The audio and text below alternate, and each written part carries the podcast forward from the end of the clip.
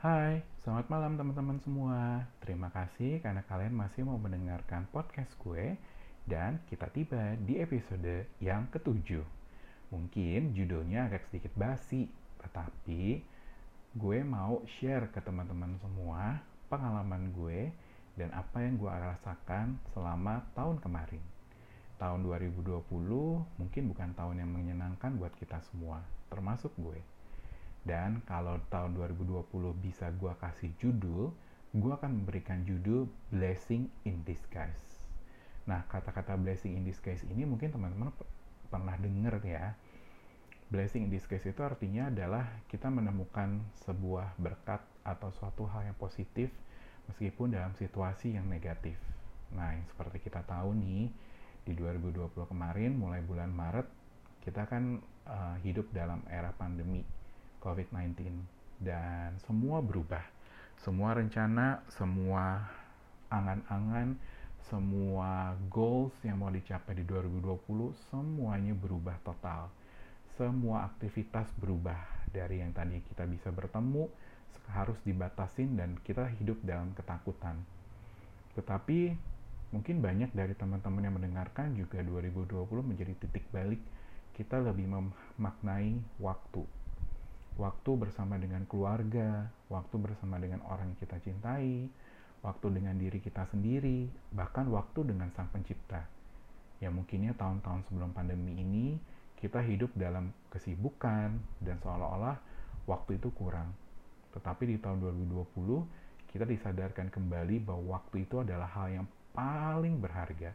Kita diminta untuk berhenti dari segala aktivitas kita kita diminta untuk meluangkan waktu lebih banyak dengan orang-orang yang ada di sekeliling kita, keluarga, pasangan, diri sendiri, dan bahkan dengan Sang Pencipta.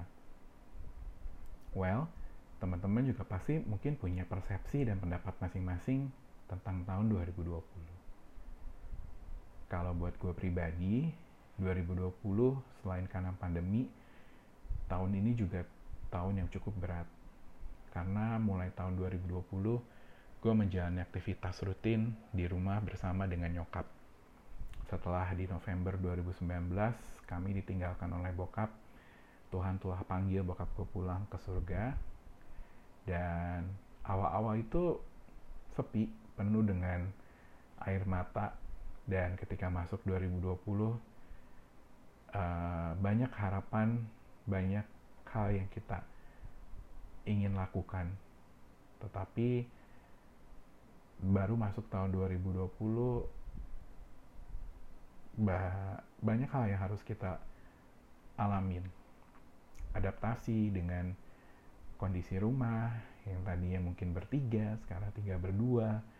Kemudian yang tadinya gue kadang tiap pagi lihat bokap baca buku kemudian dengar suara dia atau de ketika gue pulang kerja gue ditelepon sudah sampai mana dan sekarang semuanya berubah dan masa-masa awal 2020 itu ada masa-masa yang cukup berat juga buat nyokap adaptasi dengan kesepian, dengan kesendirian yang alamin setelah 46 tahun hidup bersama-sama dengan bokap.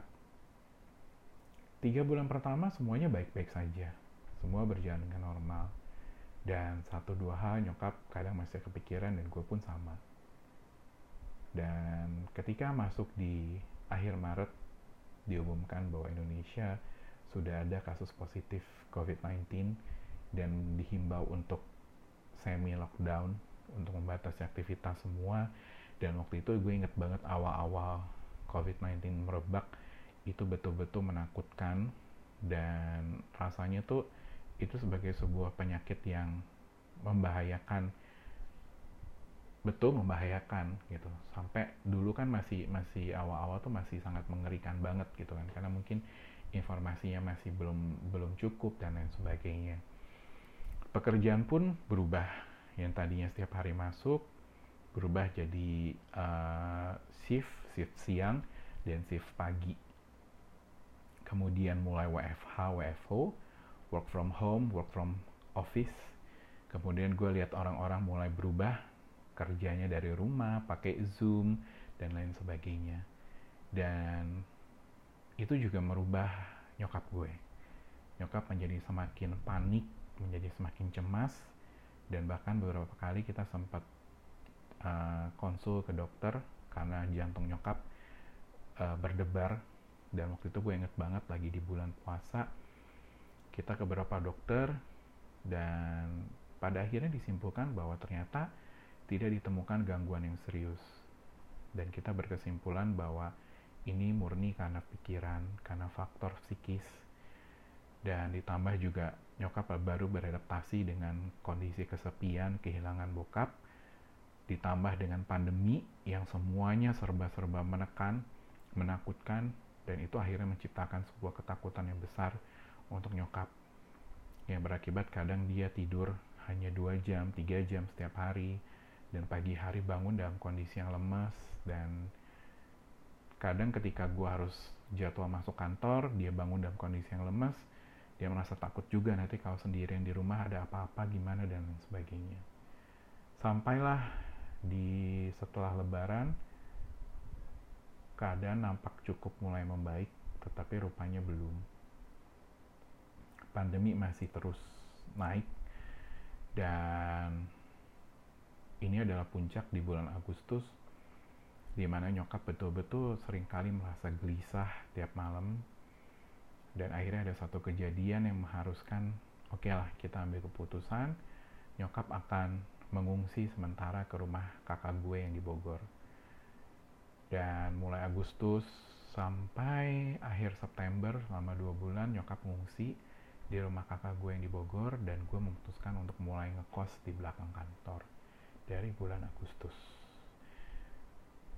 Kemudian selama itu juga selama nyokap ada di rumah kakak, mungkin karena nyokap ya namanya ibu-ibu kali ya, rumah sendiri dengan rumah anak meskipun anak kandung pasti rasanya beda. Ada banyak juga penyesuaian dan dia kadang-kali sering mengeluhkan iya masih susah tidur, kadang tidur hanya di atas jam 12 baru bisa tidur terus setengah lima sudah bangun dan lain sebagainya kadang dia merasa bahwa kesepian karena kakak gue harus dampingin anak-anaknya belajar di lantai atas sementara nyokap sendirian di bawah gue terus melakukan apa ya uh, ngobrol ketika gue pulang gue selalu menyempatkan diri untuk pulang tiap hari Sabtu gue selalu ngobrol dengan nyokap tanya apa kendalanya apa yang dia alami bagaimana cara menaklukkan pikiran-pikiran negatif dan lain sebagainya. Intinya gue menggunakan skill gue sebagai seorang psikolog lah. Dan puji Tuhan pelan-pelan sih akhirnya nyokap mulai terbiasa dengan situasi yang ada. Dan di bulan Oktober nyokap kembali ke rumah. Dan puji Tuhannya doa yang selama ini ia panjatkan yang kami terus gumulin itu supaya ada yang bisa bantu nemenin nyokap di rumah akhirnya mulai Oktober ada. Dan itu orang yang betul-betul disiapkan sama Tuhan. Itulah yang kadang gue pengen bagi ke teman-teman semua yang dengerin kadang kita nggak tahu rencananya Tuhan tapi ketika kita minta dan itu sesuai dengan apa yang Tuhan mau Tuhan tuh kasih yang terbaik. Dan orang ini tuh betul-betul orang yang kita nggak nyangka tetapi ketika dia membutuhkan dan nyokap juga butuh akhirnya ketemu lah gitu kan. Dan sampai sekarang nyokap ditemenin sama ada salah satu ibu jemaat juga yang umurnya jauh lebih muda dibanding dengan nyokap tetapi statusnya sama yaitu sama-sama sudah ditinggal mati oleh suaminya. Well 2020 mungkin bukan tahun yang mengenakan. Bukan tahun yang penuh dengan kebebasan. Mungkin ada juga teman-teman yang kehilangan orang yang terkasih di 2020. Mungkin ada juga teman-teman yang kehilangan pekerjaan, kehilangan harta benda, dan lain sebagainya. Tetapi jujur pandemi ini tuh bikin gue berubah mindset gue. Awalnya jujur gue takut, tapi pada akhirnya gue gue diingatkan lagi bahwa hidup dan mati kita di tangan Tuhan kita bisa aja uh, Tuhan panggil kapan pun yang tanpa kita duga lewat cara apa pun dan kita nggak tahu itu dan dari situ gue mulai belajar untuk mensyukuri hidup yang gue punya. Dan itu rasanya gila rasanya tuh betul betul kayak gimana ya lu kayak lu selalu merasa berkecukupan tiap hari. Gue bisa bangun setiap pagi buka mata itu adalah hal yang paling indah buat gue. Gue masih bisa dikasih nafas. Gue selalu bilang sama orang-orang bahwa gue bersyukur karena tiap kali gue bangun tidur gue masih bisa buka mata dan gue bisa bernafas. Kenapa? Karena banyak kasus kematian juga terjadi ketika kita tidur kan. Gue masih bisa makan gue masih bisa punya pekerjaan dan puji Tuhan pendapatan gue tidak dipotong gaji tidak ada yang dipotong sedikit pun. Dan waktu itu gue masih dapat bonus dari kantor dan jumlahnya betul-betul di luar dugaan betul-betul di luar ekspektasi gue masih punya pekerjaan meskipun jujur hektik banget koordinasinya ketika jadwal WFA WFO itu. Dan itu tuh tengah tahun tuh pekerjaan rasanya kayak lagi tinggi-tingginya kayak lagi banyak-banyaknya. Dan gue bersyukur gue masih bisa lakukan aktivitas di kehidupan gue ketika gue ngekos pun gue punya waktu untuk jalan pagi. Yang tadi ya gue nggak pernah itu namanya jalan pagi. Gue jalan pagi gue menikmati sinar matahari dan semuanya. Pokoknya itu tahun 2020 betul-betul mengajarkan gue untuk count my blessings even in disgusting situations. Blessing in disguise. Dan di akhir 2020 waktu itu gue betul-betul mengucap syukur. Kenapa? Karena pemeliharaan Tuhan tuh betul-betul luar biasa. Tadinya gue dan nyokap pikir gimana ya? gitu kan. Kita sanggup nggak ya? Nggak ada bokap terus kemudian ditambah pandemi. Tapi sampai sekarang bahkan sampai hari ini detik ini gue ngerekam ini podcast gue dan nyokap tidak berkekurangan sama sekali. Dan itu semua berkatnya Tuhan dan 2020 tuh betul-betul mengingatkan gue bahwa kehidupan itu betul-betul seperti roda yang berputar. Ketika lo ada di atas, semuanya merasa baik-baik saja, tetapi kehidupan bisa merubah lo dalam sekejap menjadi di bawah. Tinggal bagaimana kita memaknainya. 2020, sejak pandemi dimulai, gue lihat banyak banget kehidupan mengubah memutar balikan orang. Dari tadi yang di atas baik-baik saja semua jadi berantakan semua jadi jadi jadi berbeda dibanding yang sebelumnya. Dan gue disadarkan bahwa lo mau sombong apa? Apa yang mau lo sombongin? Harta. Semua bisa hilang. Kedudukan. Semua juga bisa hilang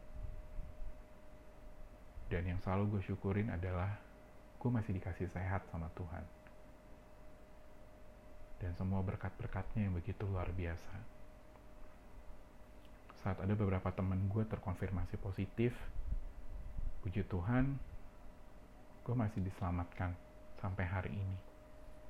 Gue masih dilindungi, gue masih diberikan kesehatan dan kekuatan, dan itu bukan karena gue, ya karena semua karena berkat Tuhan juga.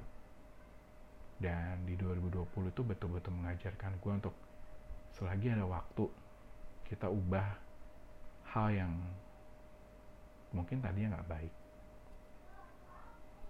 Kita ubah ibadah kita kita ubah rutinitas kita dan kita ubah semuanya. Ya 2020 sudah lewat tapi 2020 betul-betul tahun yang berkesan buat gue. Meskipun tahun 2020 gue nggak bisa pergi traveling. Tapi ya sudahlah 2020 betul-betul mengajarkan gue tentang hidup.